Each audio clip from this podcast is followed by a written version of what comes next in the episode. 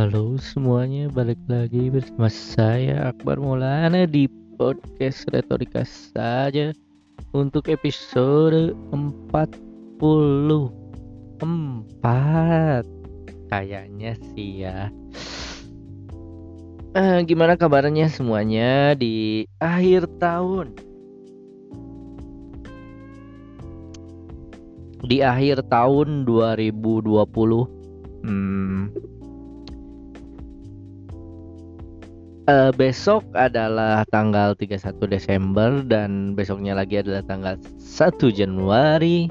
Jadi podcast ini tayang pada saat tanggal 1 Januari. Yeah. Happy New Year and ya sudahlah ya.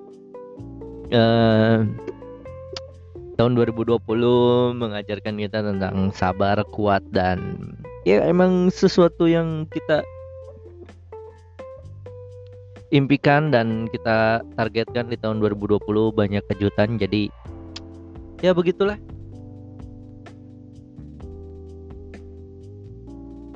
Keadaan yang terjadi jadi ya udah sabar aja. Uh, semoga semuanya segera membaik di tahun 2021 dan ya ya udahlah gitu. Apalagi yang mau kita bahas ya? Jadi gue gue bingung uh, um, tahun 2020 dan 2021 apa yang bakal terjadi. Jadi semuanya semoga semenyenangkan itulah ya. Apa pun yang terjadi kita banyak belajar. Dari tahun ini dari tahun depan juga ya. Ya pokoknya gitulah. Gua hari ini menjalani gua hari gua sedang dalam program menjalani perawatan diri dan program mem mem membuat perut buncit gua hilang dan berusaha merubah penampilan diri menjadi lebih muda. Uh, sesuatu yang sebetulnya gue rasakan itu melelahkan dan capek, tapi gue sadari bahwa disiplin itu lebih mau uh, apa kedisiplinan ini mem membuat gue merasa enak dan nyaman. Uh, maksudnya membuat gue lebih baik itu sebagai seorang manusia. Jadi ya semoga ini menjadi sebuah latihan disiplin bagi gue dan semoga gue konsisten melakukannya. Jadi uh, ya berharap semuanya berjalan dengan baik aja. Uh, apalagi uh, hari ini juga gue bahagia karena nggak ada sih nggak ada yang buat. Apa tuh apa pun yang terjadi gue bahagia. Jadi harusnya gue ngomong bahagia nggak perlu dengan alasan ini gue bahagia. Uh, gue nggak gue bingung bagaimana cara uh, menjalani hubungan dengan dia ya. Jadi gue masih berada dalam hal yang ya ya ya jalanin aja gitu. Sesuatu yang gue rasa emang harus juga gue sadari bahwa ya sabar aja menikmati prosesnya bahwa ya kadang dia nggak dibut kadang dia nggak butuh gue dan kadang juga dia butuh gue jadi ya apa pun yang terjadi ya lu jalanin hidup lu. Dan kalau misalnya lu lagi santai dia lagi santai ya waktunya ntar kita ketemu gitu. Ya gitulah mungkin sikap gue yang seharusnya. Karena sebetulnya gue udah cukup merasa bahagia baik gitu bisa jalan sama dia menyenangkan gitu. Gue merasa bahagia gitu kalau sama dia jalan gitu. Uh, kemarin dan itu sesuatu yang bisa bisa gue wujudkan gitu. Kalau misalnya gue ada waktu dan dia juga ada waktu dan kita harus sadar apa yang kita kita harus sabar sih. Kalau misalnya gue gue sendiri sih jadi pelajaran bahwa gue tuh harus sabar dalam menghadapi apa pun yang terjadi kalau nggak ada dia gitu. Karena uh, ya resiko yang gue jalanin gitu. Kayak gini jadi ya apa pun yang terjadi gue kalau misalnya dia butuh ya gue balas kalau dia nggak butuh ya gue coba tanya. Kalau misalnya dia nggak bisa balas ya gue diem gitu. Gue berusaha untuk tidak terlalu kepikiran overthinking dan berperan dengan apa pun yang gue minta. Gue nggak pengen jadi beban pikiran buat dia. Gue pengen jadi nambah beban buat pikiran buat dia dan gue nggak pengen jadi orang yang rewel gitu kalau soal uh, hubungan. Ya udah biarin aja jalanin aja gitu ya uh, gimana ujungnya mau bahagia mau sedih Tuhan tahu yang terbaik sih. Itu sih yang paling penting. Gue udah males bahas uh, cinta-cintaan kayak gitu karena topik karena topik itu sangat sensitif dan sangat personal dan gue yakin luka kalian semua juga nggak akan relate dengan itu. Jadi kita mulai topik yang lebih umum aja gimana? Apa yang karena di di lingkungan kita hari ini. Uh, Karen Karen Karen Karen. Apa yang Karen di lingkungan kita hari ini kawan-kawan? Gua yang pertama adalah yang paling Karen adalah bahwa ini, ini yang bikin gua kesel ya. Gua kesel banget sama kasus uh, eh, JA dan ah lo lo tau lah video sur itu ya yang gue tuh anjing eh, maksud maksud gue tuh di situ adalah kekesalan yang gue alamin adalah ketika gini. Gue gue rasa dia nggak nggak salah gitu. Yang pelaku di video itu nggak salah. Dia hanya membuat untuk kepentingan pribadi hanya untuk konsumsi pribadi hanya untuk dia dan pasangannya gitu. Tapi kemudian ada orang iseng yang nyebar tapi yang jadi pelakunya malah jadi tersangka gitu. Yang nyebarnya nggak ditangkap. Itu sih aduh gue tuh kayak kesel gitu kayak wow kok bisa ya? gitu. Karena apa? Karena hmm, gue nggak gue gue sih merasa gue tuh nggak ngerti ya gimana sebuah video pribadi. Video yang sangat personal bisa sangat ketika sudah jadi uh, santapan publik bisa menjadi sesuatu yang sangat berat gitu.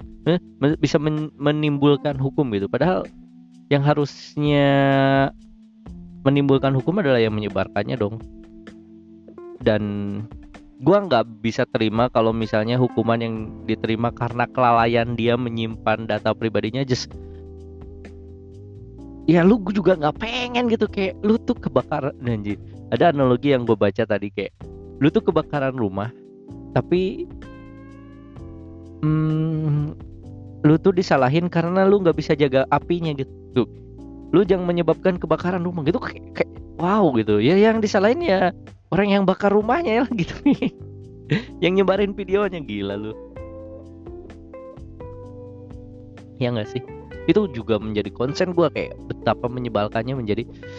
Karena apa karena ini tuh akan menjadi sebuah situasi yang memburuk ketika apa yang bakal menjadi dampak bagi masyarakat lebih luas gitu.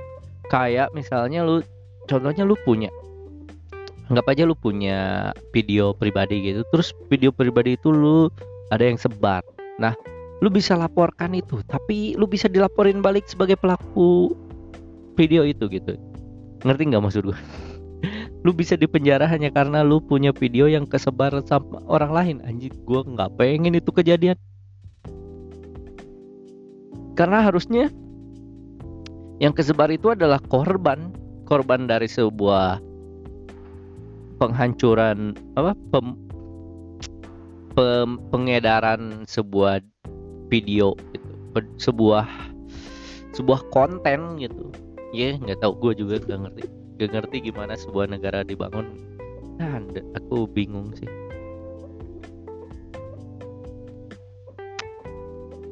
Kenapa itu bisa kejadian? Eh uh, terus apa lagi ya nggak uh, ada lagi sih kayaknya cuma itu doang yang ada di Brown terus, terus juga ada satu lagi adalah bagaimana sebuah EPI EPI dibubarkan gitu kan. Jadi kayak wow. Just really gitu. EPI dibubarin gitu kayak hah? Hah? Hah? Sebuah organisasi dibubarkan gitu dari sebuah negara yang menganut paham setiap warga bebas berserikat dan berkumpul. Gue kayak wow gitu. Kayak itu dua adalah sebuah dua hal yang sangat berbeda gitu kan. Kayak bertolak belakang di satu sisi kita berbahas berserikat dan berkumpul tapi ketika berserikat dan berkumpul itu berbahaya maka dilarang oleh pemerintah dan akhirnya ditutup. Wanjir gue kayak pidato gitu kayak hah? Gitu kayak kok bisa sih? Gitu. Iya kan maksud gue kan harusnya kan kayak di ya ya ya yang paling yang paling penting adalah yang ditindak yang yang sebagai pelakunya dong. Kalau kalau misalnya ada sesuatu yang dianggap buruk bukan potong organisasinya tapi potong orang yang berada dalam organisasi tersebut. Ketegasannya di situ dong. Tapi ini malah dilarang gitu kayak wow demokrasi kehilangan arahnya. Anjir so bijak gini anjir. Padahal apa? Padahal kalau dipikir-pikir uh, gue tuh kayak gak berotak gak berakal sih. Maksud gue kayak gue tuh nggak banyak baca gue tuh nggak banyak gue cuman baca sosmed gitu. Hal yang gue sadari bahwa gue tuh nggak valid sebagai sebuah pendapat gitu. Ini tuh cuman omong kosong doang yang gue sampaikan gak ada kebenaran gitu. Kayak kayak kemarin tuh ya apa isu bansos kayak isu bansos aja gitu. Isu bansos aja itu ya yang yang kemarin dikorupsi. Gue kayak wow gitu kayak keren gitu kan. Kenapa bisa ada orang yang semuanya aja dikorupsi gitu sampai dana bansos gue kayak. Ya dan itu adalah sebuah gue gua rasa ya gue rasa ya. Uh, itu tuh bukan sesuatu yang apa ya bukan sesuatu yang udah jadi kayak bukan bukan sesuatu yang tabu gitu. Itu adalah hal yang biasa sebetulnya. Cuman gue tuh kayak gue apa, merasa bodoh. Gimana ya ngomongnya? Gue biar gak, gak, gak sopan gak terlalu mm, sarkastik dan ya ya terlalu mengundang undang-undang itu ya. Tapi ya goblok. Kayak gue tuh tahu gitu ya sesuatu yang apa gimana sebuah ya tapi tapi gue nggak ngerti sih kenapa bisa semua se, se, se, sepolos itu gitu dalam menjalankan sebuah praktek korupsi. Gue tuh kayak ngerasa itu sebuah jebakan aja sih kayak ini gue sok-sok banget tuh. Gue rasa itu adalah sebuah usaha sebuah usaha politik praktis aja. Biar apa kelihatan ada yang bekerjanya sebuah seorang KPK terus ada juga hukumannya. Jadi hal-hal yang yang kayak gue nggak tahu sih uh, ini tuh ben ini tuh benar atau enggak tapi kayak sesuatu yang disengaja gitu. Gue yakin mereka-mereka yang di penjara itu ya mereka nggak merasa malu sih. Maksud gue kayak ya udah biasa aja gitu. Karena ini adalah sebuah konsekuensi dari pekerjaan gitu paling ngomongnya kayak ya dia tuh nggak niat korupsi tapi karena konsekuensi dari pekerjaan dia dituduh korupsi jadi ya udahlah jalanin aja. Gitu paling gue yakin. Ya gue yakin kayak gitu. gue udah nggak percaya penuh terhadap keberhasilan penindakan korupsi itu tuh bukan karena mereka bukan mereka berhasil tapi kayak sengaja gitu. Kayak ngerti gak sih. Jadi ada berbagai orang yang sebetulnya lebih korup tapi lolos karena pintar mainnya pintar gitu. Ya begitulah. Hmm, apalagi ya? Nyam nyam. Nggak tahu gue karena gue percaya uh, revenge porn itu yang tadi ya yang bahas Gisel itu. Eh Gisel jangan sebut nama.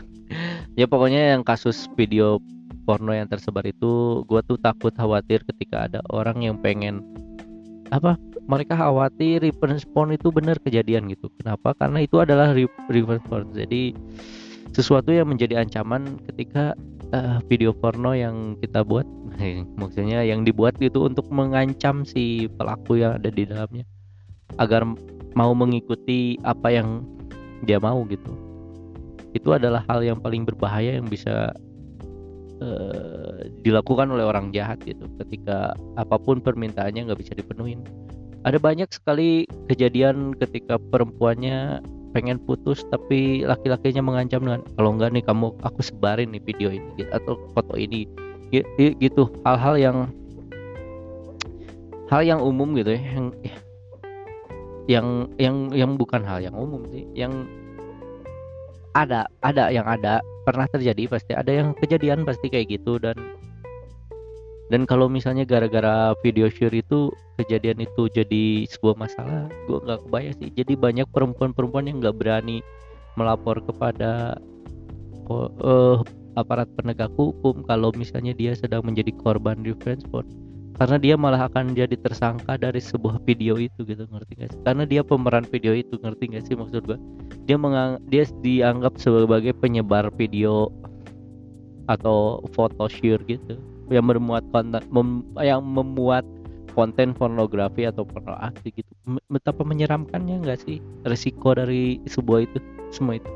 Bener nggak sih? Itu menyeramkan loh menyeramkan loh. Lu kebayang gak sih betapa menyeramkannya itu? Ya nggak sih?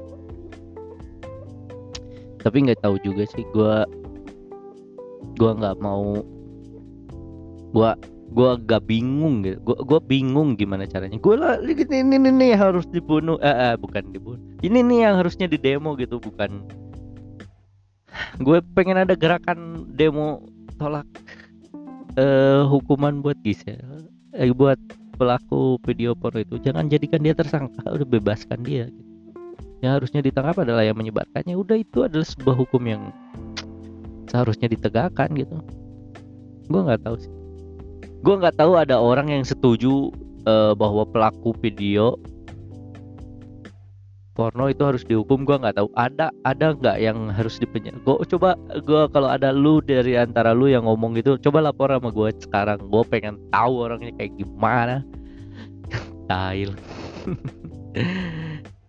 Karena karena setiap orang bebas melakukan apa pun anjay untuk dirinya sendiri untuk kepentingan pribadinya sendiri gue bisa gitu pasang foto gue uh, tanpa baju gitu. Tapi gue merasa guanya nggak suspek jadi gue nggak pede gitu. Untuk kepentingan pribadi gitu.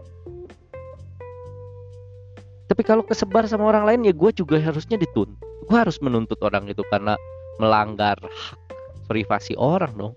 Itu yang harusnya dikejar gitu bukan kayak malah gue yang ditangkap karena gue bikin konten itu. Ngerti gak sih maksud gue Buh, gaknya pusing gue atau karena gue lalai menyimpan file itu jadi bisa kecebar sama orang lain? Yang nggak bisa gitu. Karena uh, bukan lalai mungkin emang sengaja sama penyebarnya gitu. Tapi penyebarnya juga ditangkap sih. Tapi kenapa yang lebih heboh ini? Kenapa? Karena ya lu tau lah. Maksud gue maksud gue media itu lebih seneng sama orang untuk menyebarkan beritanya agar lebih naikin konten dan lebih menambah view gitu adalah yang punya tokoh besar dan kasus yang menarik perhatian masyarakat dan jelas nama seorang GA pakai istilah itu lebih menarik perhatian karena nama besarnya dibanding misalnya penyebarnya yang siapa dia? Gue nggak tahu orangnya siapa. Gitu. Nggak ada yang nggak ada yang jelas gitu. Bahkan bahkan saking saking perlunya ya sebuah media untuk menyebarkan berita dengan kening, uh, peningkatan view itu adalah bagaimana sebuah sesuatu tuh dihubung-hubungkan dengan art, nama artis gitu kayak pelaku penyebar video ini. Jadi pelaku penyebarnya disebut tapi nama orangnya bukan pelakunya. Pelaku bernama ini adalah penyebar videonya. Sure. Gitu. Tapi harus ada nama si GA nya gitu. Biar nambah view. Oh dia, dia GA nih. Gitu. Jadi banyak. Karena lu bayangin aja lu lihat aja di trending topik di Twitter pasti yang di cari yang disering adalah nama nama si perempuannya. Jadi sedih gitu gue tuh kayak padahal dia tuh korban ya menurut gue menurut gue ya. Dia tuh harusnya di disembunyikan identitasnya di di tidak perlu mendapat exposure sebanyak itu. Ya udah gue nggak ngerti kenapa itu bisa terjadi ya semoga uh, ada sebuah perubahan dari bangsa Indonesia ini. Jadi tidak perlu takut bagi para perempuan-perempuan menjadi korban revenge porn agar bisa berjuang uh, semoga undang-undang PKS dan bisa dijadikan uh, undang-undang. Terus undang-undang pornografi dan pornografi dibubar dibuat dihapuskan. Ya pokoknya hal-hal yang kayak gitu uh, dan kalau kalau gue jelas sih kalau gue gue bukan pendukung uh, organisasi masyarakat Islam itu uh, meskipun gue Muslim gue tahu. Tapi cara dia bukan yang gue pengen. Uh, gue punya pandangan yang berbeda dengan beliau dengan mereka ber, mereka ber, dengan mereka. Tapi gue nggak tapi meskipun begitu gue juga nggak pengen uh, pembubaran sebuah lembaga itu menjadi sebuah pembubaran ormas itu menjadi sebuah hal yang lazim di negara demokrasi karena seperti yang gue bilang tadi bahwa eh, kebebasan berserikat dan berkumpul itu diatur oleh negara gitu di undang-undang dasar. Jadi gue yakin nanti mungkin akan gue pasti dan gue yakin ya mereka mereka yang asalnya ormas FPI ini bakal bikin lagi yang baru gue yakin. Uh, jadi ormas P FPI perjuangan itu kayak PDPI PDIP FPIP karena gue yakin ya uh, pembubaran itu nggak akan menghilangkan kepalanya nggak akan menghilangkan idenya. Idenya akan selalu ada gagasannya akan selalu ada. Dan itu pun mungkin akan berbentuk lain gitu akan menjadi sebuah organisasi baru mungkin akan sebuah uh, apa komunitas baru gitu orangnya pasti akan, gagasannya akan selalu ada gitu. Gak pernah lepas meskipun nama uh, apa uh, nama kelompoknya itu dibubarkan ya sebagaimana gue agak ngeri nyebut ini tapi sebagaimana organisasi terlarang lainnya pikirannya tetap ada. Wawasan tentang itu tetap ada dan gagasan tentang itu tetap ada. Dan kepercayaan terhadap gagasan itu ya tetap ada. Meskipun komunitasnya dibubarkan mereka akan berserikat lagi tapi dengan nama yang berbeda. Itu sih yang gue yakini akan terjadi gitu. Jadi kayak sesuatu yang sebetulnya apa ya eh nggak nggak bukan ya mungkin ini cuma sebuah trigger bu sebuah kon apa ya uh, putusan politik daripada putusan hukum. Jadi ya udahlah biarin aja. Tapi gue agak kurang setuju di situ sih dari keputusan itu. Terus lagi apa lagi ya? Eh uh, um, gue juga gue juga nggak tahu gue juga kalau kalau kalau lu notice ya gue gua rasa gua ini jarang menjadi perhatian orang sih. Bahwa uh, ada aturan yang ada ada aturan yang dilarang. Gue tuh tapi ini tuh kayak ceruknya tipis apa tipis banget gitu halnya. Jadi ada seorang pengamat uh, bilang bahwa menteri agama yang baru you know uh, pergantian menteri juga sempat kemarin gue bahas eh gue belum gue bahas tapi ya udahlah. Udah kejadian udah lama. Ya pergantian menteri gitu kan. Kayak uh, menteri agamanya diganti terus kayak ada harapan tentang bagaimana sebuah Islam atau uh, sebuah agama berjalan. Jadi intoleransi intoleransi, intoleransi berkurang dan sebagainya. Jadi lebih umat lebih bersatu dan lebih mudah menerima. Bahkan sampai ada mengafirmasi bahwa padahal dia bantah sendiri bahwa Ahmadiyah dan Syiah dilindungi secara hukum oleh bangsa Indonesia oleh negara Indonesia. Uh, yang padahal tentu saja menjadi uh, kemarahan bagi mayoritas karena sentimen terhadap penyimpangan terhadap agama Islam itu sangat kuat ya. Uh, juga pas dan ada yang bilang kayak seorang pengamat ngomong kayak uh, dia berhasil dengan dia mengucapkan selamat Natal itu eh ya sebagai lonceng uh, sebagai apa ya istilahnya tuh? Sebagai tolak ukur gitu bahwa sebuah menteri agama tuh harusnya kayak gini gitu. Gue kayak wow. Titik tolaknya kok gitu banget gitu uh, pijakannya. Terusnya uh, terus ada yang komen bahwa haha ngucapin selamat Natal mah tuh biasa aja gitu. Ngucapin selamat Natal mah setiap menteri agama juga bisa. Tapi coba deh cabut SKB 3 menteri gitu kayak tentang pen, tentang pembangunan rumah ibadah gitu. Itu juga kan belum gitu. Nah itu baru tuh gebrakan sebagai sebuah menteri agama bener gak sih?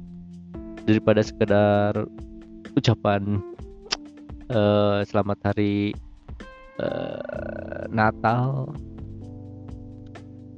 dan ah gue ada ide buat bahasan minggu depan. Karena sekarang udah jam udah jam udah udah menit 24 jadi terima kasih untuk semuanya udah mendengar uh, aku terima kasih udah mendengarkan kepada semuanya. Jangan lupa jaga kesehatan karena ini sudah lebih parah ya. Stay stay healthy. Uh, jaga kesehatan dan tetap bersyukur dengan apa pun yang terjadi. Uh, harus sabar dan ikhlas dalam menjalani kehidupan.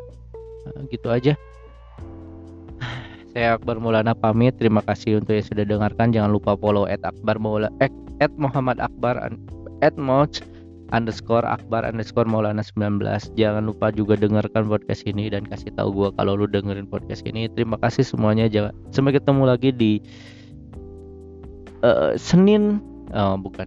Di tahun baru. Uh, saya Akbar Maulana pamit. Dah